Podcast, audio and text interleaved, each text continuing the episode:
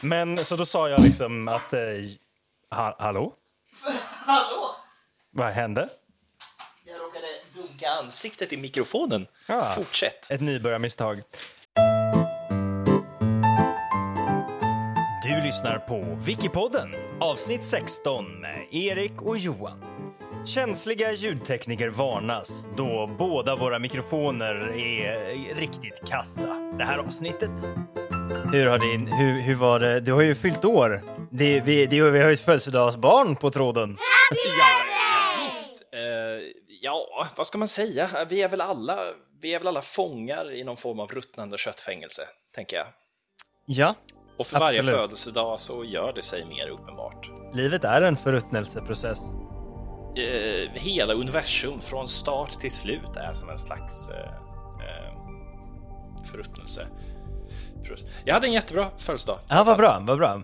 Vad härligt. Ehm, jag fick en, ehm, jag fick en sån här, du vet, äkta lavalampa.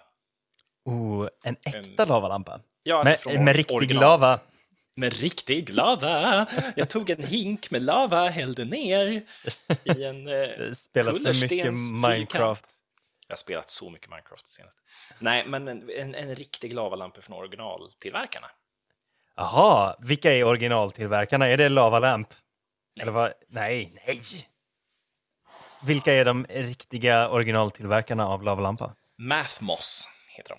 Jaha, okej. Så d- grejen är att, grejen är, här, här är grejen. Vad är grejen? Här är grejen. Själva lavalampa-designen, den är inte patenterad. Nej. Det finns ju, det finns ju många kopior på lavalampor, svaga kopior visserligen. Ja, ja. Eh, Men, men det som är patenterat är den unika formulan på lavan i lampan. Okej. Och här bredvid mig har jag nu en billig lavalampa ifrån Clas Olsson eh, och bredvid den står eh, lavalampan ifrån Mathmos. Okej. Och jag har haft dem gåendes bredvid varandra nu ett tag. Och jag kan med säkerhet säga att det är en synbar skillnad i kvaliteten på själva lavamaterialet i lampan. Hur har din vecka varit, du som inte har fyllt år? Eh, ja, när man inte fyller år så är det ju lite mer deppigt. Ehm, Men eh, jag har... eh, jag, jag känner att jag har börjat växa in i min roll som lärare. Jag är ju vikarie. Så, eh, så jag har lyckats, idag lyckades jag med konststycket att sätta på en film på projektorn, gå därifrån, vända mig om och inse att jag inte har satt på fullskärmsläge. Eh. Så jag känner att jag är verkligen en riktig lärare nu. Oj, och du har muspekaren på... eh, Det, är så, så långt gick det inte. Och jag insåg mitt misstag direkt, gick fram och ändrade. Eh, Så jag är inte helt där än. Men jag känner att jag är på väg. Det finns hopp ändå på något Ja, sätt. ja visst. visst. Eh, någon gång kanske jag kanske kan börja lämna muspekaren då till exempel, mitt på. alltså det är så förunderligt. Jag såg ju på film, man ser ju en del film när man är vikarie. Eh, Såg på Ja. film en annan gång med en annan lärare då. Ja. Och hon lämnade muspekaren, alltså hon, hade ju, hon gick ju in för det. Hon var ju riktig lärare. Så hon lämnade muspekaren mitt på bilden. Nej, hon lämnade på symbolen för så här, play. Ja, play. så att den hela tiden, så man ser hur lång tid det är kvar att filma, Ja. så det förstör hela... Så man bara sitter och fokuserar på så här, nu är det 20 minuter kvar. av.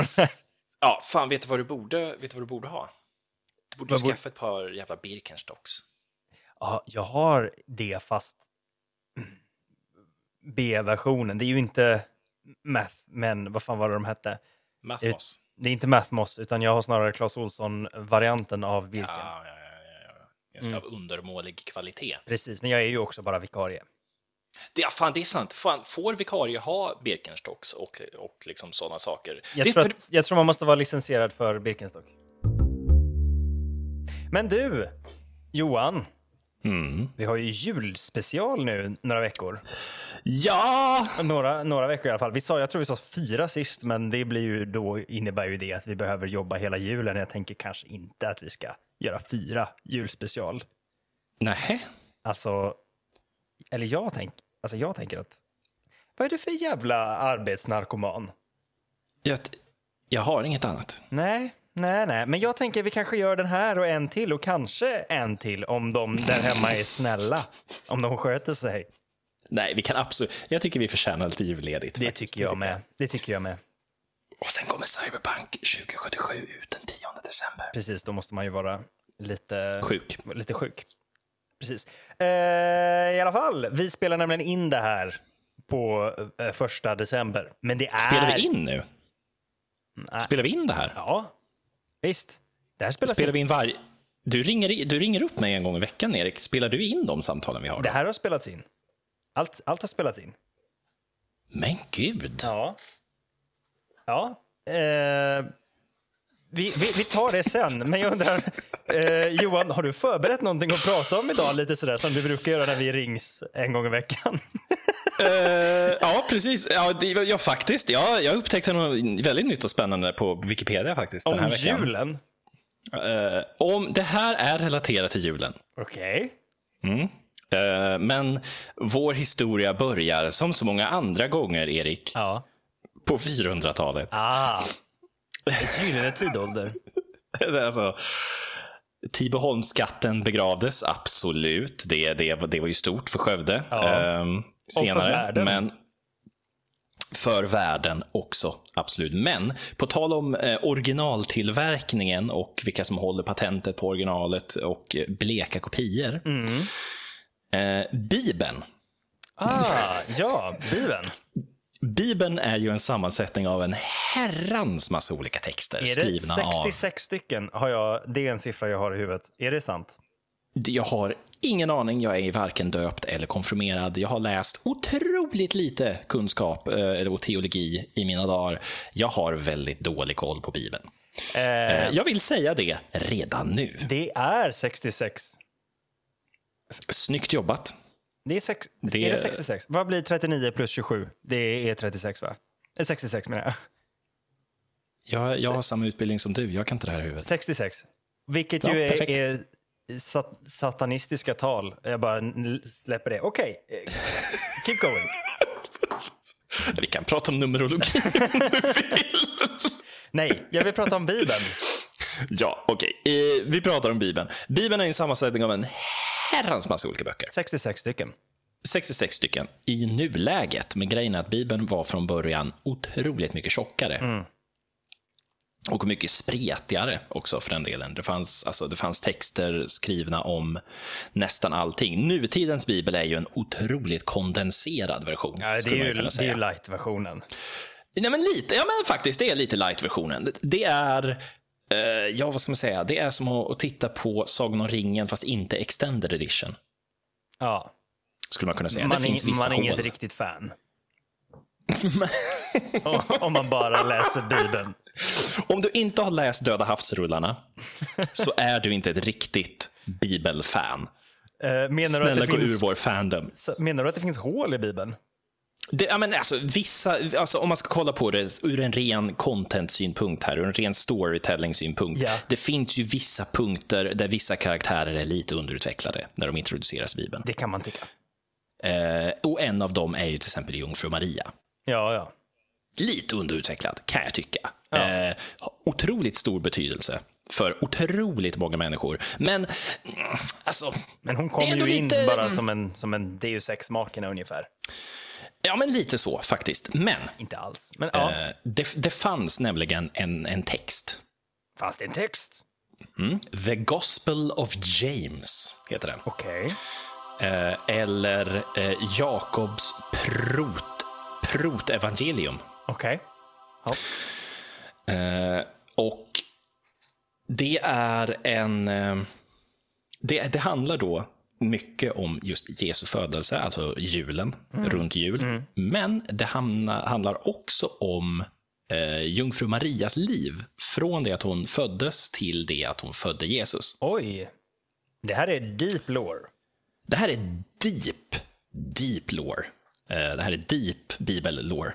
Men grejen var att den här texten förklarades, eh, eller förklarades, jag citerar, was officially condemned Oj.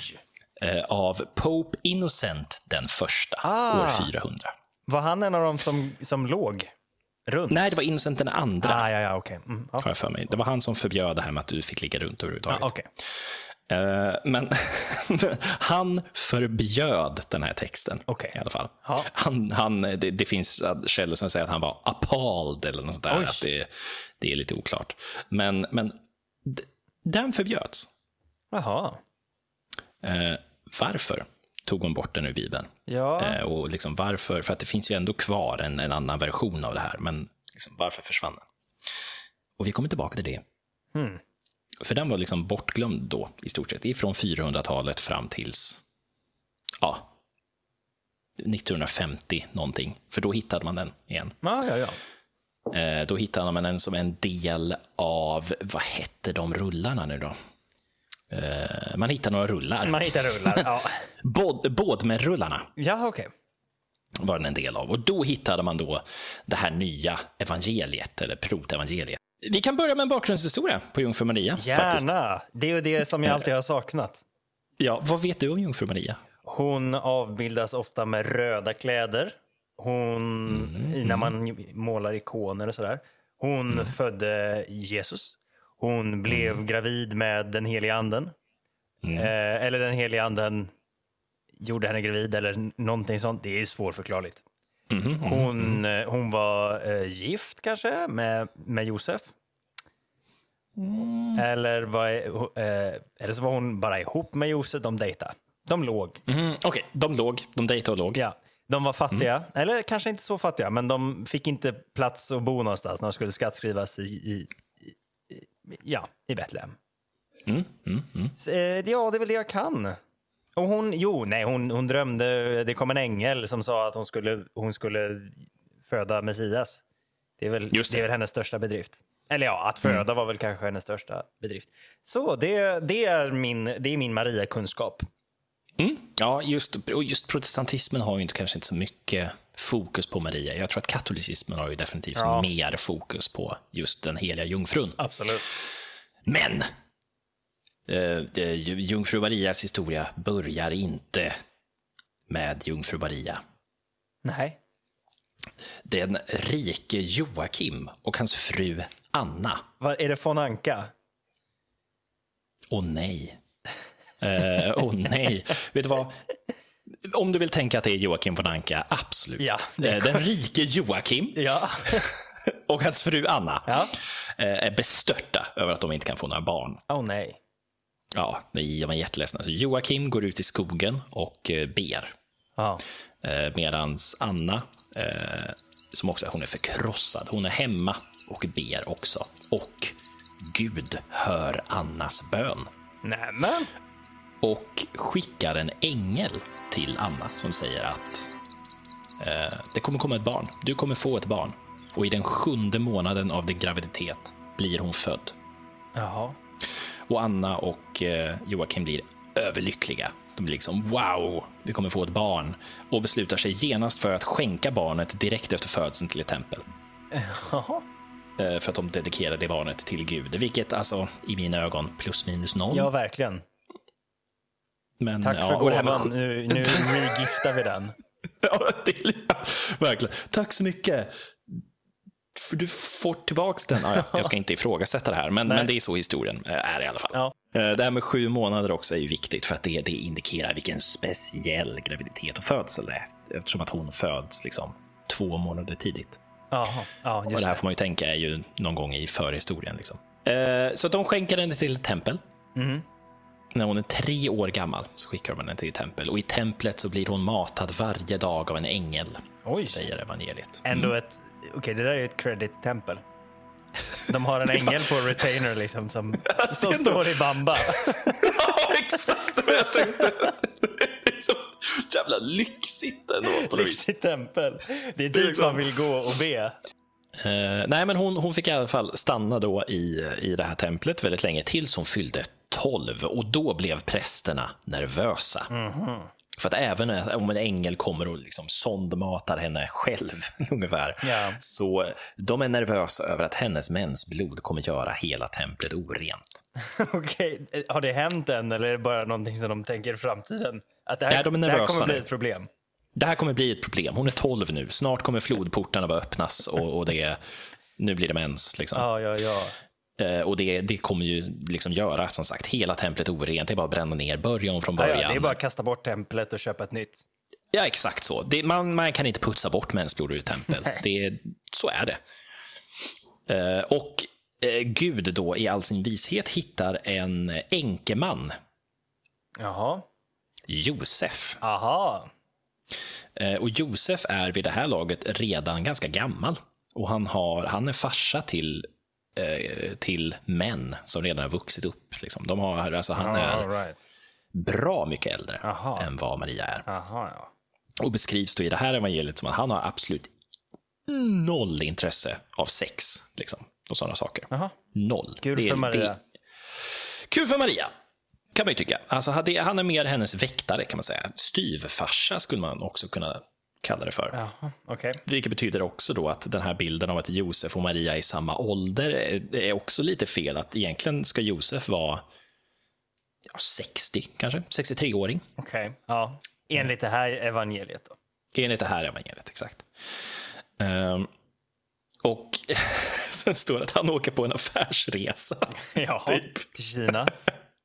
Ja, så åker hon, så, så han lämnar Maria i templet igen. ehm, på en, på en icke-röd vecka då, gissar jag, utan Jaha, just det. Han åker, prästernas... ja, Ja, han åker iväg för att handla i vet inte, han åker på konferens. snickarkonferens. Ja. Eh, och ja, som sagt, prästerna svettas väl kulor vid det här laget, kan jag tänka mig. Det kan hända när som helst. Hon är en tickande bomb.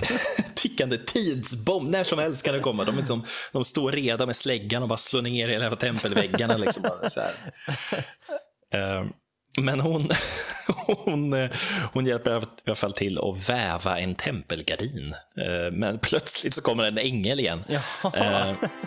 Och så, fatta hur tröttsamt det måste vara att vara Maria med det här laget. Också. Varje dag bara, nu är det lunch. Och man bara, fan! liksom. Okej, det kommer en ängel. Det kommer en ängel och säger att eh, du har blivit utvald att föda Jesus. Jaha, det händer nu. Ja, du har blivit utvald att föda Jesus eh, Kristus, vår frälsare. Och du ska föda likt ingen annan kvinna gjort tidigare. Okej. Eh, så Josef kommer tillbaka på från... huvudet. Stå, ståendes på huvudet i en berg Ehm, Hon visste ju inte själv vad det skulle betyda. Så hon kanske började öva på att stå på huvudet. Kanske. Ehm, Josef återvänder från sin affärsresa och hittar då Maria sex månader gravid. Aj, aj, aj, aj, aj.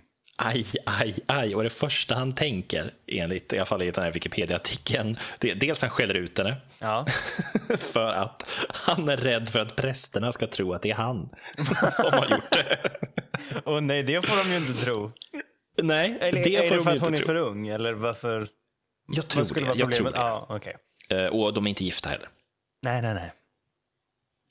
Eh, Vi, så att, så att det är ju inte bra alls. Nej. Eh, och sen så skriver de också, vilket prästerna gör. Prästerna tror att det är Josef Ja. direkt. Ja. Eh, men Josef hävdar ju då sin, sin, sin oskuld här. Eh, så de löser situationen genom det gamla hedliga bittra vattnens test. Jaha, nu undrar du, vad är de bittra vattnens test? det undrar jag. Just det. Det bittra vattnens test var ett sätt man, man undersökte otrohet på den här tiden. Jaha.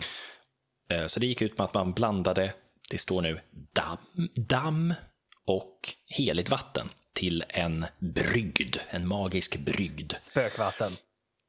Typ, ja, Ja. lite så. Ja. Spökvatten. Och när man dricker den här brygden då, ifall, ifall det var så att du eh, du är ren, eller man ska säga, Ja. du ljög inte, då händer ingenting. Då har du bara druckit spökvatten och liksom, oj då. Ja. Din oskuld är bevisad Jaha, okej. i ögonen av alla. Men om det skulle varit så att du var otrogen, då... då Eh, ja.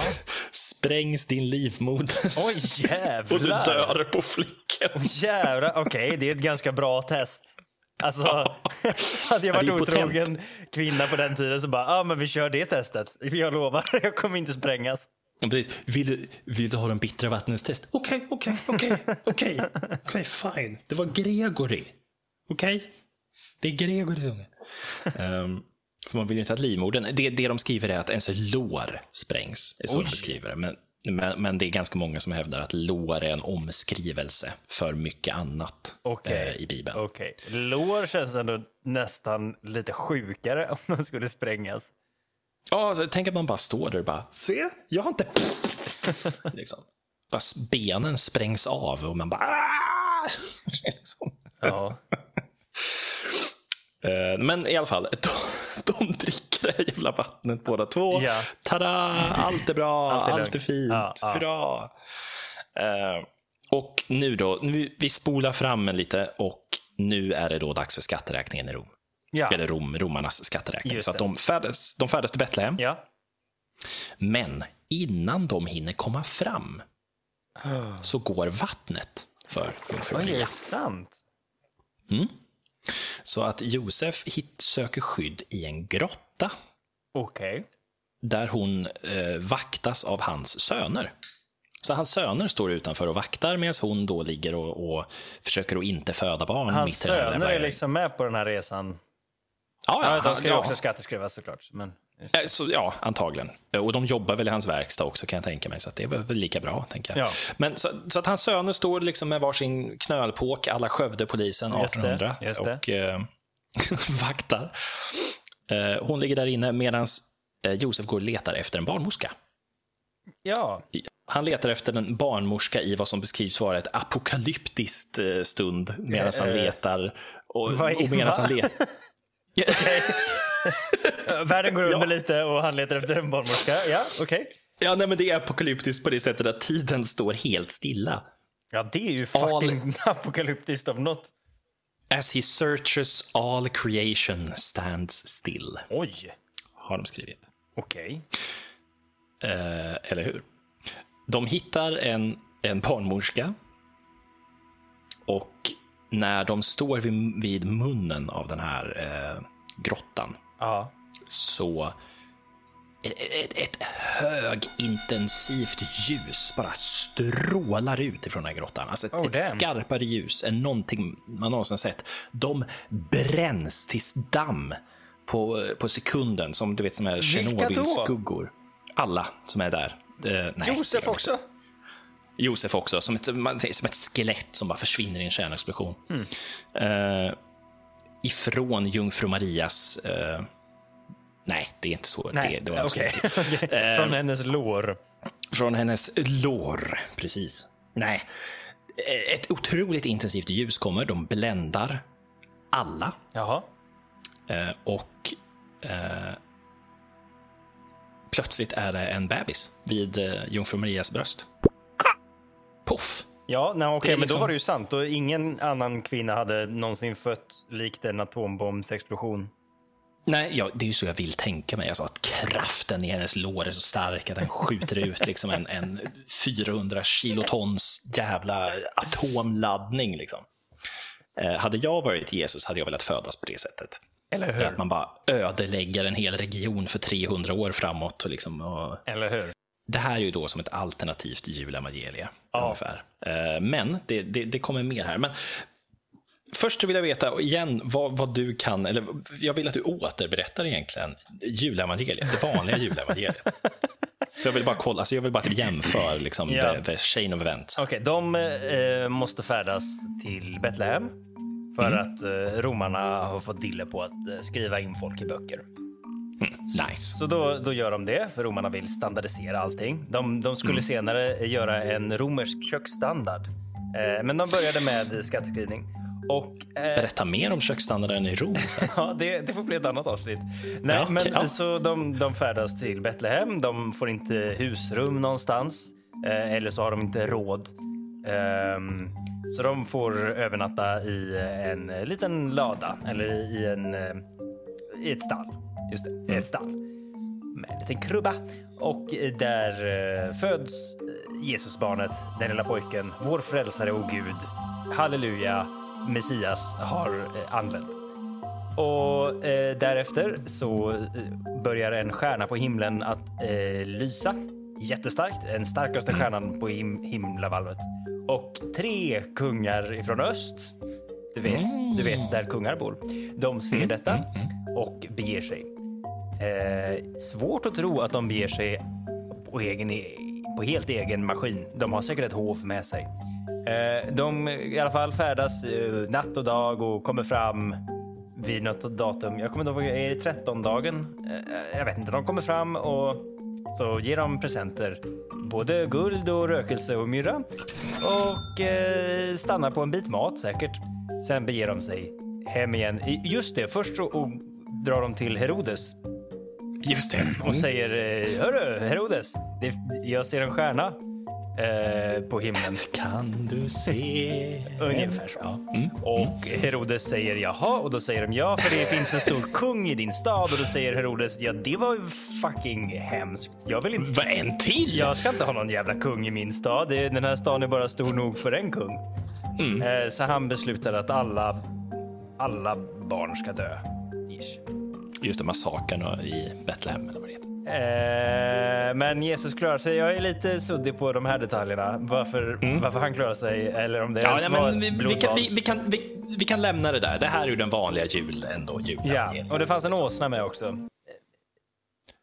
Och lite får kanske är med någonstans. Eh, ja, barnen och hedarna. Just det, ja, det brukar vara lite får med också av någon outgrundlig. Ja, de är ju stalliga. Just Ja. det. Eh, ja, nej, men... Uh, jag skulle ändå säga att du är faktiskt, ganska spot on. faktiskt, det är min första eh, teaterroll i livet. Då var jag noll år, eller ett halvt. Spelade Jesusbarnet. Nej, Stämmer. nej. Det går det. Det, har du det på CVt? Det har jag inte på Jag går in och uppdaterar mitt CV nu. Ja, du borde ha det på CVt, för det är lite kreddigt. ändå, alltså. 1993. Exakt, alla bara, men är inte född då? Jo. det är ändå nice. Uh, no, nej, men uh, hittills, alltså, det, det är ju ganska likt Huvudroll. här. Den- Förlåt. Förlåt. Fortsätt. Fuck sake. No, men uh, hittills är det ju ganska likt det här. Det, det som inte är likt här till exempel, det är ju dels att, att Josef söner det här. Ja, och att de föds Eh, att- i Betlehem, eller innan Betlehem. Ja, precis. De, de, de hinner ju inte ens fram till Betlehem innan de måste födas. Eh, och dels att de letar efter barnmorskor. Det är också en sån här grej. Ja, det är en skum Och- liten detalj och att tiden stannar. Den här apokalyptiska stunden när tiden står stilla och letar efter en barnmorska är också en intressant detalj jag skulle vilja se tolkad på min kyrkscen. Ja. Ehm, Jag tänker om man skulle sätta Men- upp den här, folk skulle ju bara, vad har ni gjort för någonting? Vad fan är det här? ja, precis. För det är en detalj där som, som du hoppade över nu. och det här är en detalj som, som, eh, som kanske jag förstår. Och det här är också detaljen som kanske gjorde att de eh, klippte bort den här biten ur, ur Bibeln. Okej. Eh, för att, som sagt, ett, eh, vi, vi återvänder till, till då den här protohistorien då, att ett, Ja. ett gigantiskt ljus fyller den här grottan. Ja. Eh, det är helt, det är, sinnessjukt vad ljust det är och det är liksom, åh, eh, jag har aldrig sett något, det är ett mirakel. Åh. Som kallas Eh. kärleken. Det är ju ganska lätt att förstå att man som vanlig dödlig i det här, för att Josef är ju ändå på något vis, men han är ju utvald av Gud också, Josef. Jo. Eh, som, Gud kommer ju ner och bara, Josef, ta hand om, om hon, Maria. Och Josef bara, typ, okej. Maria har ju fått besök av änglar i varenda dag av sitt liv. Hennes mamma fick besök av änglar. Alltså, den här släkten är ju ganska van vid att vara huvudpersonerna eh, i den här historien. Men, men du kan ju tänka dig då att om du som, som vanlig barnmorska plötsligt liksom du är bara ute och går, plötsligt stannar tiden, en skäggig gammal man springer ner från ett berg och bara “Kan du föda barn?” och bara skakar i axlarna under vad du kommer beskriva senare som en apokalyptisk stund. Eh, Så du, du bara springer upp där, du springer in och ja, jag vet inte, kommer i närheten av den här födande kvinnan och ett ljus bara sprängs ut. Alltså man måste ju ändå, det hade ju varit väldigt, väldigt undligt för vem som helst. Ja. Ja, så att den här barnmorskan då efter Jesusbarnet är fött springer ner ifrån det här berget och vrålar ut till en av sina vänner som också är barnmorska, eh, som går vid namnet Salome. Ja. Eh, Och så skriker hon eh, Salome, Salome, jag måste beskriva det här nya miraklet för dig. En oskuld har fött barn, även fast hennes kropp inte tillåter det. Och då säger Salome, som Gud själv lever, eh, det här måste jag undersöka själv. Jag kommer aldrig tro att en oskuld har fött barn. Eh, Och nu kommer jag att citera ifrån evangeliet direkt. Oj, oj, oj, oj. And the midwife went in and said, Mary, position yourself, for not a small test concerning you is about to take place. Nej. When Mary heard these things, she positioned herself. and Salome inserted her finger into her body. Nej. Rakt in i låret. Eh, Rätt in i låret. Eh, Så att den här barn, den här liksom, tänk en, tänk eh, en sån här riktigt smutsig peasant barnmorska, liksom, springer in till jungfru Maria.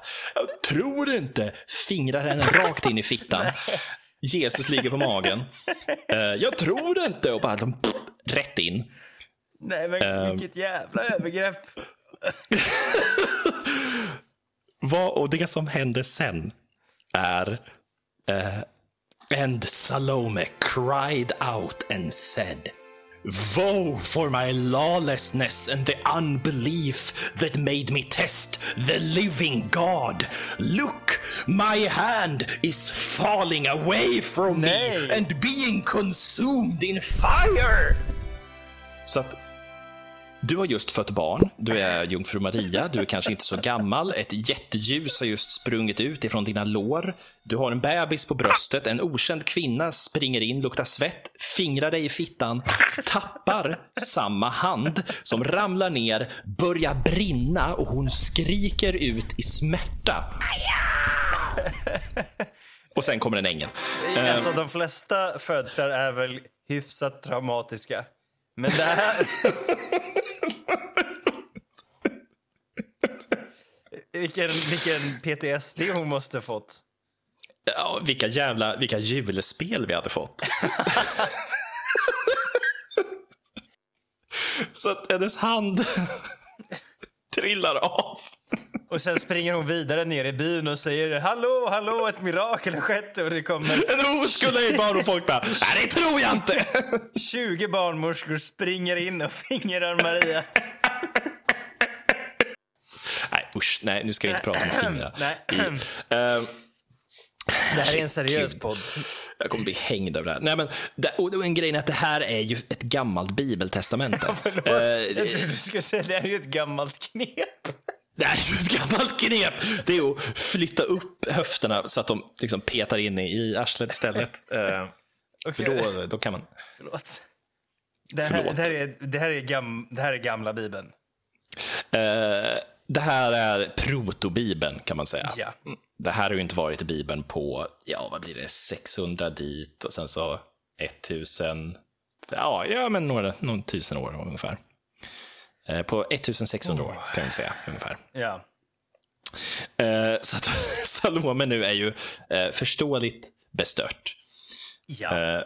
Man kan ju kanske tänka att hon borde ha tänkt efter lite innan hon sprang upp och fingrade en främling i fittan.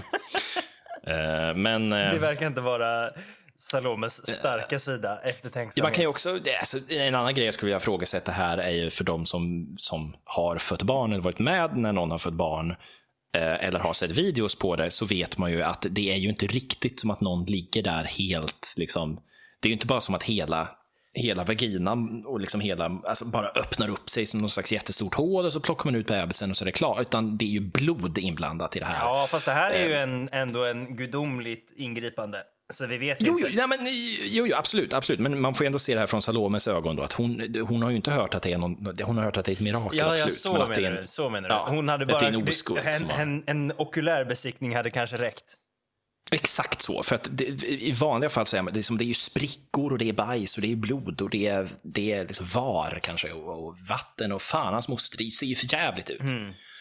Det ser ut som ett slakthus. Liksom. Eh, så att man kan tänka att en erfaren barnmorska där kanske då tänker att oj, ja, det här var ju det här var konstigt. Ja. Eh, och kanske då inte beslutar sig för att, ja, ja. Alltså, Salome det- hade inte fått sin licens vid det här laget. Hon var inte så erfaren. Nej, Salo- Salome var inte med i barnmorskegillet än. Eh, Så att hon går då ner på knä nu, Salome, och, och till att tänka att hon håller i sin, likt typ, likt, Alltså, ja, som Luke Skywalker håller i sin hand som har blivit avhuggen. Liksom. Ja. Vad tänkte du säga? Nej men också det här att, att de ropar till henne så bara get in position och att att hon, att hon bara gör det. de gör det. Så nu Hon bara, jävlar kommer någonting hända här. Brace yourself. Okej, förlåt. Hon ligger på marken, hennes hand är avhuggen. Ja, inte bara avhuggen, den har trillat Ja, den har av trillat och brinner. Av. Den, ja. Stanken av, av bränt kött sprider sig i hela grottan. Ja. Ehm, och eh, Salome står på knä och skriker ut till Gud nu att då liksom Förlåt. Eh, God of Abraham and Isaac and Jacob, do not expose me to the children of Israel, but give me back the poor. Give me back to the poor. For you know, Lord, that I have performed service and received my wage from you. Och nu kommer en ängel. Ja, ja, ja. Salome, Salome, the Lord of all has heard your entreaty. Stretch out your hand to the child and lift him up, and he will be salvation and joy for you. Salome går till barnet, plockar upp honom och säger I worship him because he has been born a king to Israel. And at once Salome was healed and left the cave. Kan Maria få något ord med i... För hon, har hon någonting att säga till om? Alltså, Nej, nej, nej, nej, hon har ingenting. Inte Josef här. Så får också tänka Josef som är hennes jävla beskyddare här och hennes söner liksom. Det är bara som kommer en jävla liksom, smutsig barnmorska förbi och bara motsar in hela jävla näven i könet på, på men sen deras... lyfter upp gossebarnet också och börjar Ja, och tillbe honom och sen Ja, ja. springer iväg. Eh, och handen bara woo, tillbaka. Och eh, det, det, det sista hon hör eh, det sista hon hör är en röst eh, som bara viskar typ Salome, Salome, do not proclaim what a miracle you have seen until the child comes to Jerusalem. Det där lät lite som Voldemort. Bring Oj. child to me. Bring the child to Jerusalem. Ehm, och där, där slutar då birollen Salome, som en ganska smart regissör av Bibeln ändå har strukit ifrån eh, strukit ifrån manus. Jag förstår eh, Innocent, den andra. Jag förstår det också. Det är ändå det är en ganska märklig grej, eller? Ja, jag har också en annan tanke kring den här historien. Om, om det är dags för, för eh, opinion piece. Ja, men det är dags för opinion. För, för, efter det här, för efter det här är det vanliga. Det är Herodes och det är de tre visa männen och allt det här. Det, sen det följer sen mergar timelinen. Och, Exakt, sen mergas timelinen. Okej. Nej, men jag tycker att eh, en, en del av eh, charmen med eh, Jesu födelse, för mig, det är Ja. att det är under så enkla omständigheter och att det är sådär, det kan, att det hände en, så, en helt vanlig människa, eh, Maria. Och att när hon drömmer om den här ängeln som, eh, som säger att du, ska, du kommer föda barn utan att eh, trots att du är eh, oskuld så är det liksom en big deal och hon går och pratar, det kommer jag ihåg, det är ju någon berättelse, hon pratar med sin syster eller någon och så här, och jävla sjukt det här är.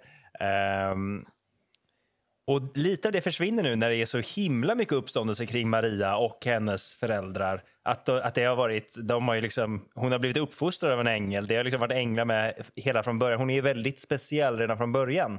Och det Ja, tycker jag är lite ja. tråkigt i den här eh, versionen. Jag skulle vilja säga att hon blir lite av en Virgin Mary Sue. ja, det kan man säga. Precis. Om man, eh, om man får uttrycka sig så. Absolut. Nej, men, eh, Eh. så det är, eh, det, det är min invändning. Eh, Sen är det andra ganska festligt. Det är ju en, det är en uppseendeväckande berättelse som man kommer ihåg. Ja, ja. Eh, en annan grej som är, som är väldigt förknippad med julen, förutom Jesus, vad är den andra, vad är den andra pelaren i julen? kanel. Nej, helvete. Det är ju Jesus då som, som de gamla ja. hävdar är det vi firar jul för. Och sen så finns det en annan karaktär som är minst lika viktig. Eh, Krampus. Jultomten. Julbocken. Eh, jul, jul, julkillarna eller? Jultomten. Jultomten. Ja. Men du sa också julbocken och julbocken mm. eh, fick jag ju höra när jag var liten är en liksom, föregångare till jultomten. Mm. Och eh, det stämmer. Eh, idag ska jag prata om julbocken, det är därför jag vet. wow! Mm. Eh, så att den har ju den här julbocken då, har du haft julbock hemma? Ja, vi har alltid en julbock hemma. Man måste ha en julbock i halm under, under granen. Ja, okej. Okay. Varför då? Jag vet inte, som en vakthund, ja. tänker jag. Ja, det är lite som mysigt. Vakt, vaktbock, kanske. Just det. Ja, det är lite, vi har också en eh, här hemma, och som jag hade när jag var liten också. Det är, det är väldigt mysigt med bock. När den är sådär, ja. en halmbock som är virad med röda band. Ja. Den ser väldigt vänlig och, och artig ut tycker jag. Ja, den, precis. Den ser väldigt artig ut. Den står lite sådär... Den har så raka ben, är det det? Och så har liksom ansiktet neråt på något sätt. Så att den, den ser så himla ja, försynt ut. Ja, men eller hur? Det är någonting med den som känns väldigt eh, bildat ut, ja. vågar jag säga. Ja, precis. Eh, och, men men eh, så har det inte alltid varit. Va? Va? man vet inte riktigt varför vi har julbock, var den kommer ifrån, julbocken. Eh, men den har ju funnits under väldigt lång tid i Skandinavien och norra Europa. Mm. Eh, och så hade man hade liksom olika lekar med julbocken, man har haft uh, olika eh, berättelser kring julboken, äh, boken, bocken. Boken. Uh, julboken. Julboken, ja. Uh, själva bocken då, om vi börjar där, innan den är sammankopplad med julen. Ja. Så är ju, eh, ja, vi, vi måste ju reda i det här, eller hur? Så vi ja. det en sak i, i sänder. Jag känner mig lite besviken att jag aldrig har ifrågasatt varför det är en julbock eh, under trädet. Jag har verkligen, nu när du säger det, jag har aldrig ens reflekterat över. Inte jag heller. Men nu, eh, nu, gör, nu är vi här. Ja. Så låt oss reflektera. eh, den här bocken i alla fall har ju ja. varit väldigt viktig eh, i Skandinavien. Det har varit en, en, en ganska stor symbol inom asatron som vi höll på med. Ah, just det! Om vi nu ska gå in på andra religioner än kristendomen. Så börjar jag redan nu. Eh, vem i, inom asatron var för, förknippad med eh, en bock? Eller två? Eh, det är... Um... Jag vet att Tor hade en bock som man kunde slakta och äta och slakta och äta, lite som Särinner-grisen. Vilken praktisk bock! Och jag vet att det var någon gång det var en, en, eh, två ungar som var ännu mer hungriga efter de hade ätit den här bocken så att de började karva i benen, alltså märgbenen på den här Aha. bocken. Och det fick man inte göra. Aj, aj, aj. För, ben, för, benen skulle man ju spara bara lägga ute i trädgården så var det ju en bock där i nästa morgon. Aha. Uh, Men de gjorde fel? Ja, de karvade i märgen och det skadade bocken permanent så den haltade lite sen. Så att, så att uh, Tor i stort sett uh, förslavade de här två barnen. Ja. Nej, så att de blev hans följeslagare i en, i en lång rad äventyr jag inte det, det, var dit min, det var dit min bock, eh, bockkunskap eh, hoppade. Right, just den berättelsen finns inte med här. Eh, det är ju också sådär med asatron att... Mycket sagor. mycket sagor. Det är svårt att säga vad som är sant och inte ja. inom ja. asatron. Nej, men det jag skulle säga var att det, den är inte så jätte, har inte en jättetydlig eh, officiell version av Asatron. Den har ju utvecklats och varit olika på olika ställen och de här berättelserna har ju inte varit uniforma för hela eh, det asatroende folket. Ehm. ja, det är väl Eddan eventuellt, men till och med där är det, det är bara en samling ja. sagor på 1300-talet. Liksom. Det är... ja, nej. Eh, men det är Tor som, är, som, som jag syftade på också. Det var står, rätt! Ja, men det står ingenting om den här bocken man kan äta eller så. Det står att han, nej, okay, nej. hans vagn dras av två bockar. Mm. Och eh, nu får du ursäkta min gammal isländska. Tangnjostir och Tangrisnir heter de. Mm, mm. Eh, det finns teorier att tradition med julbockar eh, också härstammar då från att man kring juletid eh, då, förr i tiden, slaktade get. Och att det, att det då har fått någon slags koppling till julen. Ja, för det är då man äter get, liksom. lite som Ja. apelsin. Typ. Precis, julapelsinen. Ja, man slaktar apelsin. Just det. Så, men man vet faktiskt inte riktigt hur det har kommit sig att bli en bock, en julbock. Men man vet att uh, bocken är väldigt viktig för, för uh, asatroende människor. Och att man käkar bock på, på jul. Okej. Men det här med en julbock, det vet man först att det fanns i eh, Norden på 1700-talet. Oj, det är ett jävla hopp. Ja, precis. Så vad hände innan dess? Ja, vi vet inte. Men på 1700-talet finns det beskrivet att eh, ungdomar gick runt eh, och eh, framförde lite sånger och skådespel och sjöng visor. Och då var det en av de här barnen. Det här är liksom som att gå och vara utklädd och säga bus eller godis på halloween typ. För att, Oh. eh, ja, och då var det ett av barnen som då kunde vara utklädd till bock. Och så gjorde Jaha, de fast lite- man fick bara vara utklädd till vissa grejer. Typ. Ja, det, man hade tråkigare för. Så var det. Eh, och då hade man kanske liksom en, en eh, mask som var gjord av halm. Därav att det kommer lite, eh, ja du vet vart vi är på väg. Eh, Ha den här bilden av julbocken framför dig. Ehm, och då kunde man få, inte godis för att man hade det lite tråkigare för, men man fick mat och dryck och pengar.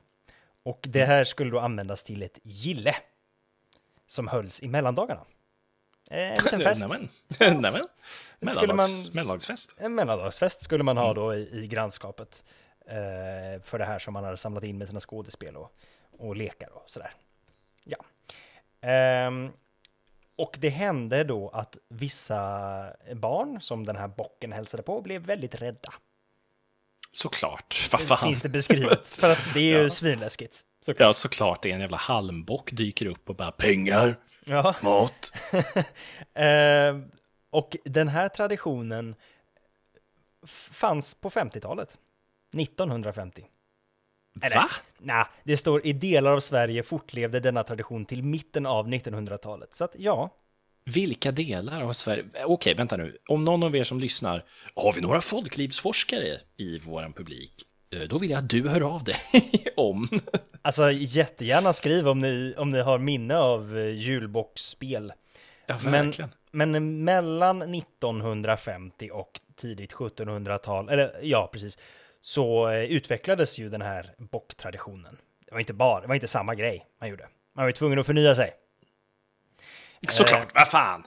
Under 1800-talet då, då var det snarare så att en person ifrån den borgerliga samhällsklassen Ja, ja, ja. klädde ut sig till bock och delade ut julklappar. vänta, vänta. Ja. Vad är det som är svårt att förstå här? Okej, vänta nu, vänta nu. Okej, så att bara liksom typ så här, ja, men, semi-överklassen fick vara jultomte ba och bara bock, typ. Eller, eller var liksom... Jag vet inte om det var liksom ett, ett, eh, en begränsning att man bara fick vara borgare om man skulle vara utklädd till Nej, eller ja, men, fick, du gå, fick du gå med taxeringskalendern liksom och så här, hämta ut en, en dräkt och typ de bara na na na na. som tiggarlicens. Men det var, det står så här på Wikipedia, under 1800-talet förändrades traditionen gradvis till att en man från den borgerliga samhällsklassen utklädd till bock delade ut julklappar. Eh, Vilka? Under vilka omständigheter? Det är så många frågor. jag vet inte, det jag ser framför mig är sådär, du vet, när borgarna ska hålla på med välgörenhet. Att det är det. Att, Ja. det här, att det här är en version av det. Så då tar man den här traditionen och approprierar den till att dela ut julklappar då istället för att gå och tigga. Ah, du tänker så. För jag tänker att, att det, de enda källorna man har är från den borgerliga alltså samhällsklassen. Mm, ja, jag tror inte det eftersom att det står att, det förä- att traditionen förändrades gradvis till att en man från den borgerliga samhällsklassen utklädd till bock delade ut julklappar. Eh, men detta i alla Va, fall... varför nämna samhällsklass överhuvudtaget i det här känns Ja, för att det kanske var viktigt då. Jag har inte kollat källan, för att det här är inte en seriös podd där vi kollar källor. Eh, Ah, fan, vi måste fan bli bättre på källor. Äsch. Då i alla fall, det här gjorde man innan det fanns ett begrepp om jultomten. Så det är det här man syftar på då, när man säger att förr i tiden så kom bocken med presenterna. Nu ska vi se, jag, jag, jag tog mig friheten att gå in på julbock här nu faktiskt. Jaha. Eh, förlåt, jag, jag bromsar upp det här lite, men nu ska vi kolla Ja, du källor. trampar på mina tår. Förlåt. Eh, där, julbock, en gammal symbol för julen. Då går vi in på den. Sidan kunde inte hittas. Ja, okej, så bra källa var det. Eh, Tangdjost och Tangristner i myten om Tors färd till Utgårda Loke beräknas hur bockarna slaktas på kvällen och upp för att återväckas till livet på morgonen!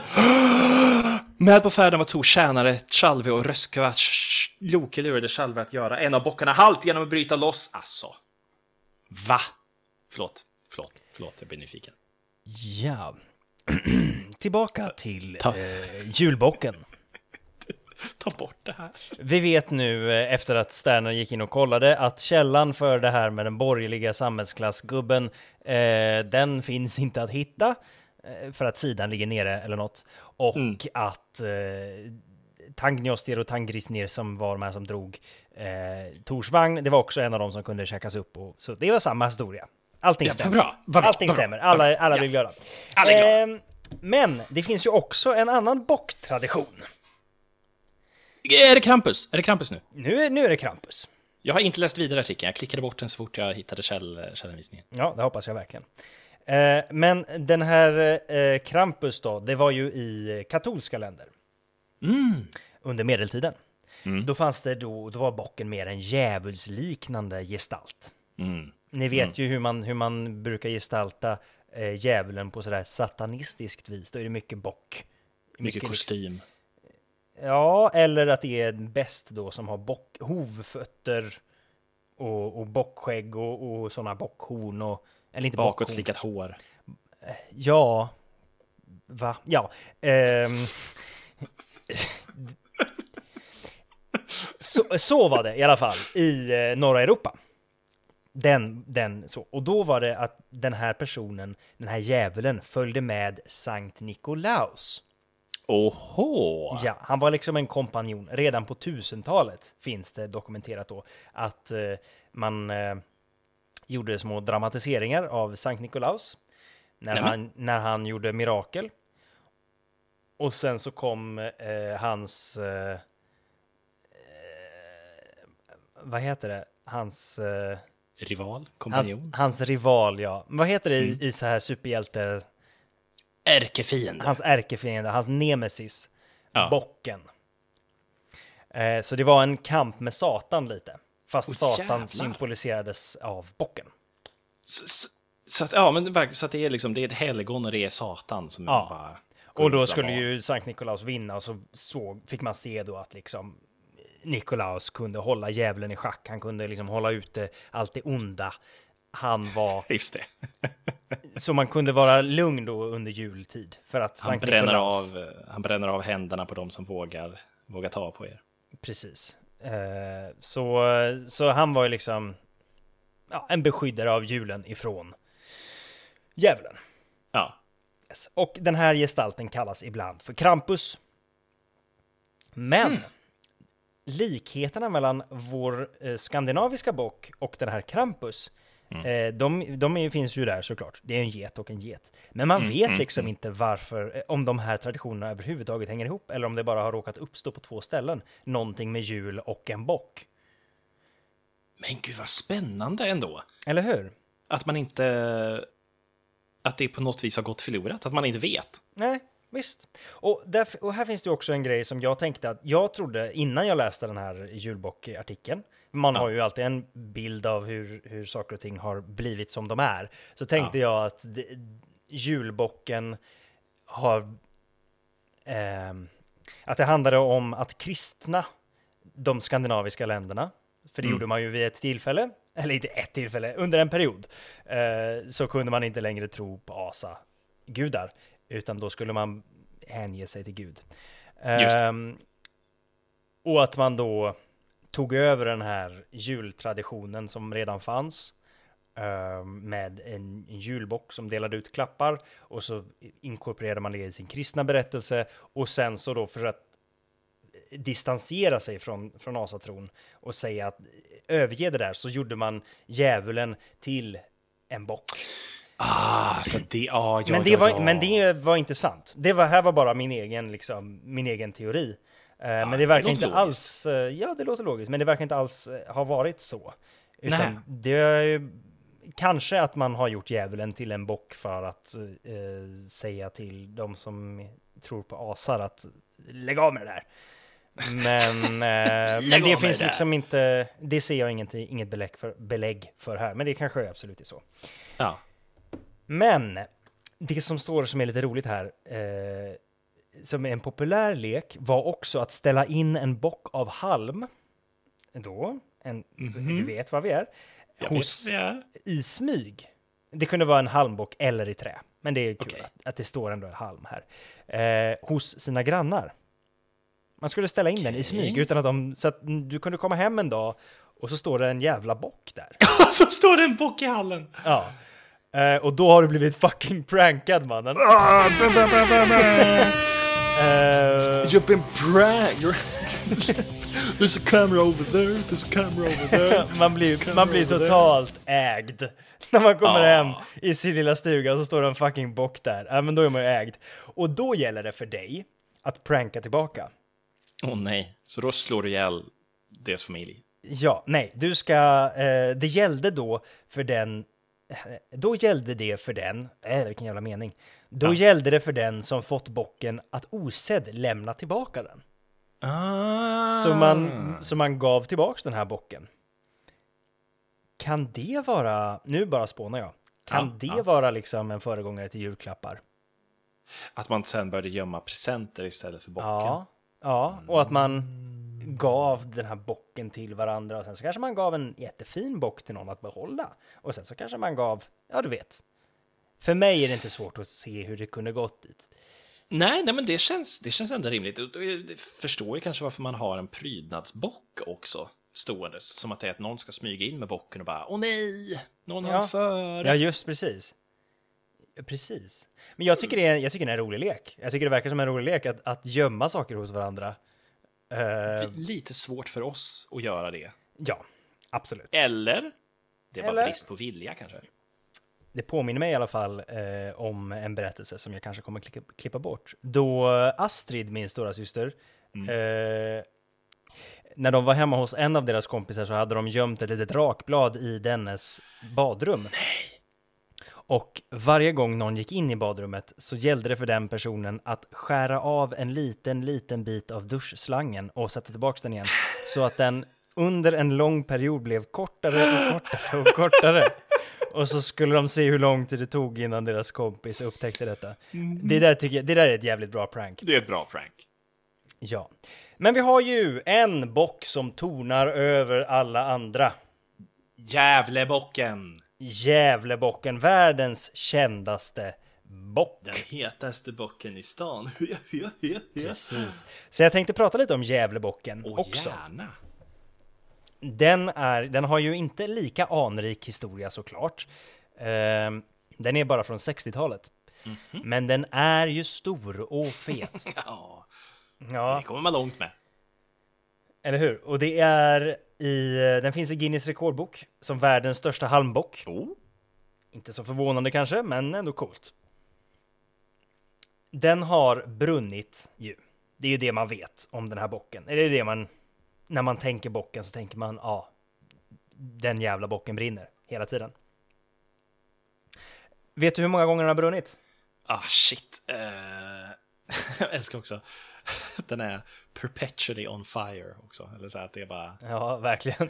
ehm, oj, hur många? Ja, 22 gånger.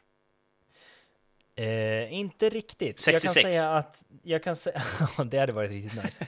Eh, den har ju funnits då sedan 66. Ehm, så det blir, vad blir det, 46 gånger tror jag. Det kan det ju inte bli, men det står, verkar som att det är, nej 53 år har den stått. Mm. Så att eh, 16 av de gångerna har den varit helt oskadd. Okej, den är oskadd 16 gånger. Ja, och 30 gånger, mer än hälften, har den brunnit. Oj, jävlar. Och har ibland då förstörts på andra sätt. Eh, Blivit slagen, påkörd, eh, sprängd, vad vet jag. Den, eh, den har råkat ut för en massa skit. Mhm. Det var då 1966 och det var reklammannen Stig Gavlen. Han kom på idén att ställa en gigantisk julbock på Slottsberget i Gävle och resten är historia. Såklart det är en reklamman som har gjort detta. Visst, han visste hur man skulle reklama för stan. Vad var det Konstruktionen... Va? Vad var, Nej, det, vad, vad var det reklam för till att börja med? Eh, Det var nog reklam för Gävle. Ah, Det var nog lite så. så. Eh, den, den blev ju inte rikskänd direkt. Ehm, men, eh, men, eh, men till slut så tog det sig och folk kom dit liksom och så här, wow. Vilken coolt. Det var synd vad hände med den. Eh, ja, precis. Det var två år fick den stå helt ostörd och då byggde man upp den igen på samma ställning och sen började det även brinna. Sen slutade det. Eh, typ varje år. Ja, och sen blev det en tradition och då blev de som höll på med det här, eh, de blev lite less. Ja, det ja, men alltså, jag, Söders köpmän, de, de sa att nej, det var de som hade hand om att bygga den här. halm är faktiskt inte gratis. Precis. Så de, eh, de slutade med det här Va? efter en stund. Ja, de slutade bygga bocken och då tänker du, men den är ju där, vad fan! De strejkade? De strejkade från sin bockuppgift. Nej. Men Vasaskolans naturvetenskapliga förening tog över. Eh, 1971 och då byggde de en en och en halv meter hög bock som placerades på den gamla bockens plats. Så Ja. Den var ju väldigt mycket mindre. Eh, och blev också, Budget, budgetnedskärning. det var budgetnedskärningar och eh, den blev sönderslagen. Från första året blev den sönderslagen. 1973 så stals den. 1976 så mejades den ner av raggarbilar. Åh! Bästa, Eh, bästa. Och sen så eh, kom Söders köpmän tillbaka och byggde den här ordentliga bocken igen efter några år. De, de klarade inte att se mer av den här slakten framför sina ögon. Nej, eh, och att den var så fjuttig tyckte de. Så nu, nu var vi tillbaks till de stora höga bockarna. Men En Vasaskolans naturvetenskapliga förening, de la inte av för det. De har också fortsatt varje år och än idag, inte idag, eller jo, kanske idag, jag vet inte. Det finns alltså två bockar i Gävle. Rivaliserande bockar. Rivaliserande bockar, en liten och en stor. Och båda är tradition vid det här laget. Så att man tänker Gävlebocken, men det finns faktiskt två.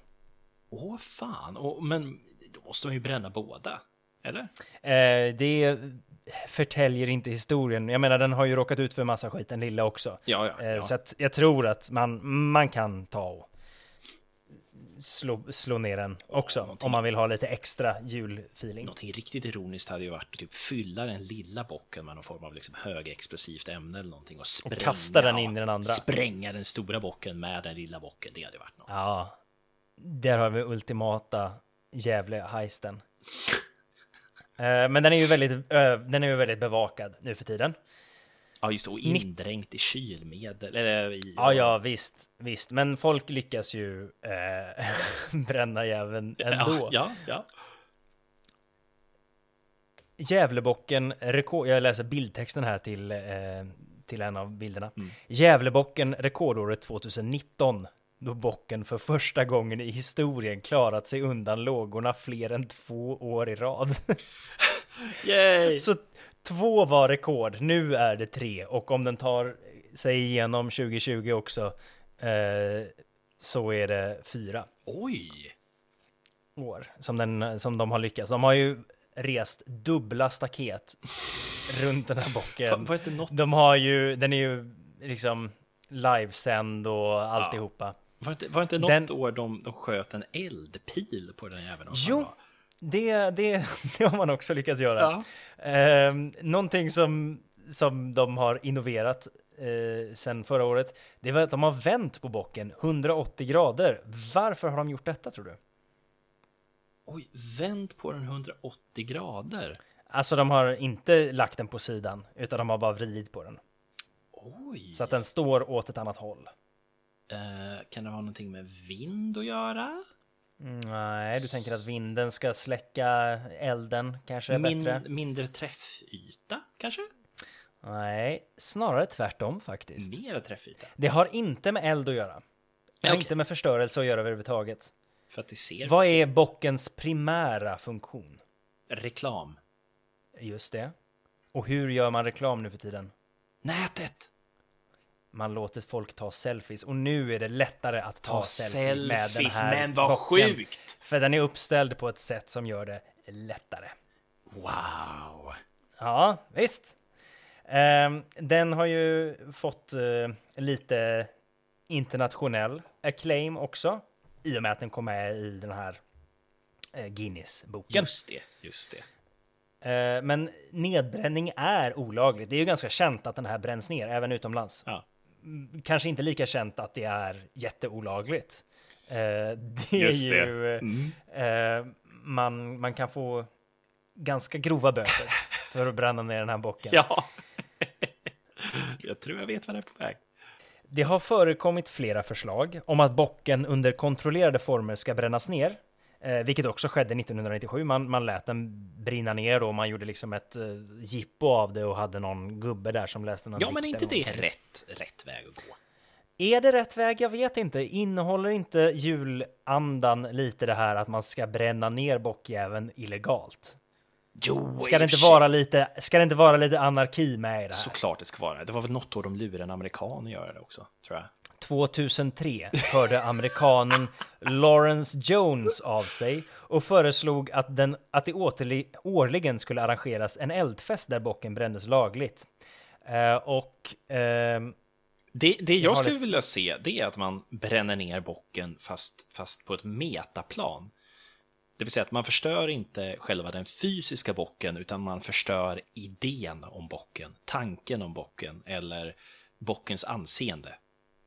Eh, så att man... post, en, en Post- postbränning. Ja, en postmodern bränning, precis. Så att till exempel Ja. liksom, bocken har liksom twittrat något problematiskt om, om, eh, om eh, sexualitet kanske, eller något sånt där. Att liksom, man lägger upp att kolla här, bocken har... Eller liksom att man, man, man förstör eh, eh, själva grundvalen bocken står för. Det är ju liksom att bränna bocken på riktigt, skulle jag säga. Eller hur? Eh, och den här Lawrence Jones, han, eh, han hörde ju av sig då för att eh, de skulle göra ett jippo av det. Mm. Och varför var han så, varför visste han om det här? Jo, för att han två år tidigare, 2001, eh, då hade 50-årige amerikanen Lawrence Jones varit på besök i Sverige. Eh, och brände då ner den här bocken. lite, lite casual, så här, Ja, international Så man kan terrorism. tänka sig att han fick höra talas om att det är tradition, fan gör det, det är tradition. Men jag blir lite sur på den här. Jag är ändå för att bocken ska brinna. Men att en amerikan kommer hit och bränner ner bocken, det är lite som att en annan person snackar skit om min mamma. Jag kan göra det, men att Lawrence Jones från USA ska bränna ner vår bock, då, blir det, då, blir, då är vi under angrepp. Ja, men det, ja, men lite. Det är ju som att, som att Stefan Löfven skulle gå och benåda en kalkon eh, i Vita huset ungefär. Ja. Det är lite samma nivå, skulle jag säga. Ungefär. Eh, Ja, nej, så att... Eh, Nej men, jag, nej, men jag håller med. De ska ge fan i ge- våran ge fan i ju bocken, den är ju så fin, varför ska de bränna ner den? Det, det får bara, bara- vi göra. Hade det inte varit enklare att göra det lagligt? Liksom. Nej. Det ska vara, det ska vara liksom, man ska åka med en raggarbil på ett hopp och ha fyllt raggarbilen med bensin så att den slår i bocken och sprängs. Och liksom, det, det ska vara Jönssonliga-nivå på det här. Ja. Eldpilar. Precis. Eh, men så det var ju eh, bocken och de har liksom en hel tidslinje här och vilka år den har bränts ner och det är markerat med grönt när den stod kvar och det är inte mycket grönt på den här. Förutom nu Nej. då på sista tid när de verkligen har eh, fått upp säkerheten eftersom att 2017 var det dubbla och högre staket runt bocken, dessutom vakter och kameraövervakning. Alltså jag skulle nog säga att det, det kan det vara det här som tar död på traditionen om Gävlebocken. Ja, det kan vara det. Och det kan vara det här som tar eh, död på, på den svenska julandan för gott.